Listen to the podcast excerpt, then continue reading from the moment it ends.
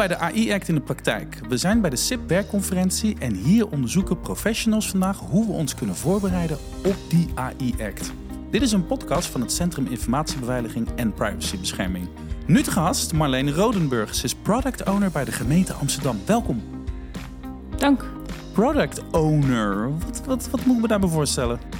Uh, product owner betekent bij ons dat ik verantwoordelijk ben voor, uh, voor een product. Um, mijn uh, product waar ik verantwoordelijk ben is een cloud-omgeving. Mm -hmm. Waarin we de onderzoeker binnen de stad, dus echt de, de collega-ambtenaar, faciliteren in het veilig en transparant onderzoek uitvoeren. En het gaat over data? Uh, nee, we werken data-agnostisch. Dus de klant, zeg maar, dat is degene die in onze omgeving werkt, die is de eigenaar van de data. Wij zorgen alleen dat de omgeving waar ze, waarin ze die data verwerken, dat die veilig is. Ah, we krijgen met z'n allen te maken met AI. We hebben met z'n allen al te maken met AI. Er komt straks wetgeving op ons af. Als, als je nou naar zo'n stad als Amsterdam kijkt, wat doen jullie allemaal met AI? We hebben nu op dit moment drie manieren waarop we AI inzetten in de stad. Uh, dat is eerst, uh, ten eerste doen we in-house modelontwikkeling. Mm -hmm. we hebben een team van innovators die zeg maar echt modellen zeg maar, zelf trainen, daar de data bij zoeken en dat helemaal tweaken tot gelangde het project. Mm -hmm. Daarnaast um, bied, ik, bied, ik, met mijn diensten een, een meer managed service aan. Waarbij we uh, modellen binnenhalen die op onze eigen systemen laten draaien en weer beschikbaar maken voor uh, andere afdelingen in de stad. Ik begreep dat een heleboel, bij de heleboel gemeentes wordt er een beetje gezocht naar wat zijn nou uh, inkoopeisen als je dat spul, dat AI, van buitenaf naar binnen haalt.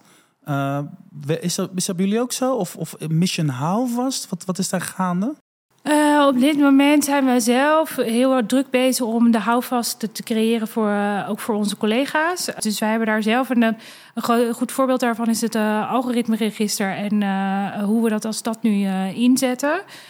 dat betekent dat we de inkoopvoorwaarden of de voorwaarden om, om algoritmes in te mogen zetten zelf hebben opgesteld. En ook toetsen of we de algoritmes die we binnenhalen of die daar ook aan, aan voldoen. Uh, dus alles wat we, zeg maar, we proberen daar ook zo transparant mogelijk in te zijn. Dus we willen publiceren lijsten van de algoritmes die we in de stad hebben en in productie hebben staan. Zodat die ook inzichtelijk zijn voor de burger. Uh, en we toetsen onszelf daar dus ook op of we die transparantie uh, blijven leveren. En zo'n AI-act, gaat dat jullie dan helpen om dat makkelijker te maken? Of, of zit dat juist misschien in de weg? Nou, we zijn wel echt op zoek naar echt die, eh, strikte kaders en, uh, en wetgeving daaromtrent. Omdat we ook wel zien dat AI is een heel handig hulpmiddel. Uh, we merken dat alle directies de voor, heel veel de voordelen daarvan inzien. En het werken ook echt wel dusdanig makkelijker kan maken. Maar er zijn ook onwenselijke situaties te bedenken. En doordat er wetgeving namelijk aankomt, kunnen we dat dus ook gaan toetsen van, en ook beleid erop maken van welke AI willen we wel inzetten en welke AI is, is misschien niet zo nodig. Dus wat voor onwenselijke situatie moet ik dan aan denken? De AI-act gaat um, uh, afdwingen dat je niet en geen emotie uh, herkenning mag. dus ah, je mag geen modules ja. inbouwen die emotie herkennen. Um, nou, dat, daar kunnen we dan dus ook echt gaan toetsen van. Dus als we AI afnemen, kunnen wij de leverancier maar uh, afdwingen. Maak dat voor ons inzichtelijk. En heb je daar een component van in zitten, dan mag je niet, uh, dan mag je niet aan ons leveren. Wat ik een beetje omheen proef hier vandaag op een dag als deze. Hè. Er zijn hier 200 mensen bij elkaar. Professionals zoals jij, die op allerlei verschillende niveaus hiermee te maken hebben of gaan krijgen. Um, en, en, en daar hangen een paar grote vraagtekens in de lucht. Bijvoorbeeld een van die vraagtekens is... wat zit er allemaal precies in die AI-act? Nou, daar weten we eigenlijk al best wel veel van. Een ander heel groot vraagteken is... hoe gaat dat veelkoppige AI-monster zich ontwikkelen de komende vijf of tien jaar?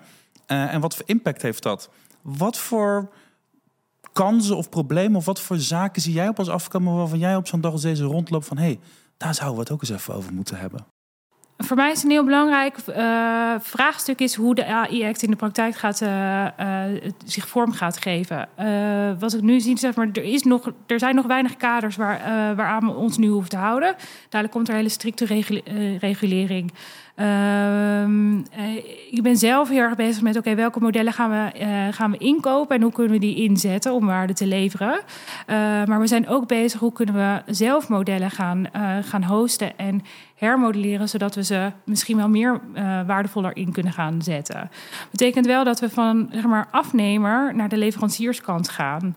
En als we naar de leverancierskant gaan, dan hebben we ons ook aan de AI-act en alle, uh, alle vereisten die daarbij komen te houden. Dat betekent dat we technisch inzichtelijk moeten maken hoe onze, uh, hoe onze modellen werken. Uh, we moeten transparant zijn over de beslissingsprocedure.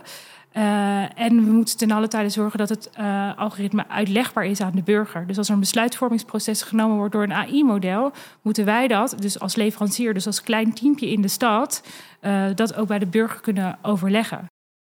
Ah, dus, dus, in, in dus vroeger, of zoals nu, koop je ICT in van een externe partij. Die is compliant en je kan het gewoon gebruiken. Maar omdat het gewoon AI, AI is en, en veranderd en fluide is uh, worden jullie zelf een soort maken en moeten jullie ook uh, voldoen aan al die criteria.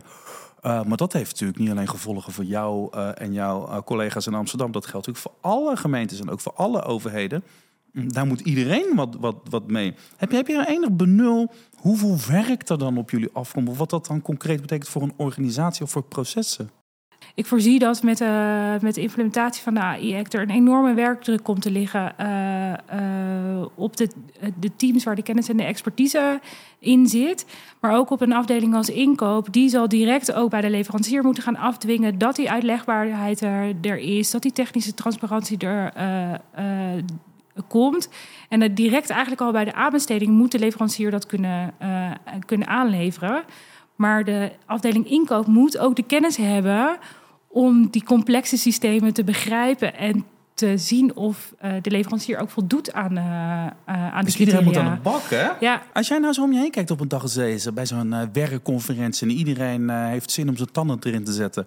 heb je al een beetje inspiratie opgedaan vandaag? Heb je al een beetje het gevoel van... Ah, als we dit met z'n allen zo doen, dan, dan komen we er wel? Ja, er zijn ontzettend veel goede ideeën. Uh, het is ook heel goed om te zien dat heel veel verschillende organisaties al best wel goed aan het nadenken zijn van hey, wat komt er eigenlijk op ons af en hoe gaan we ons daar zo voor organiseren dat we dat ook aankunnen.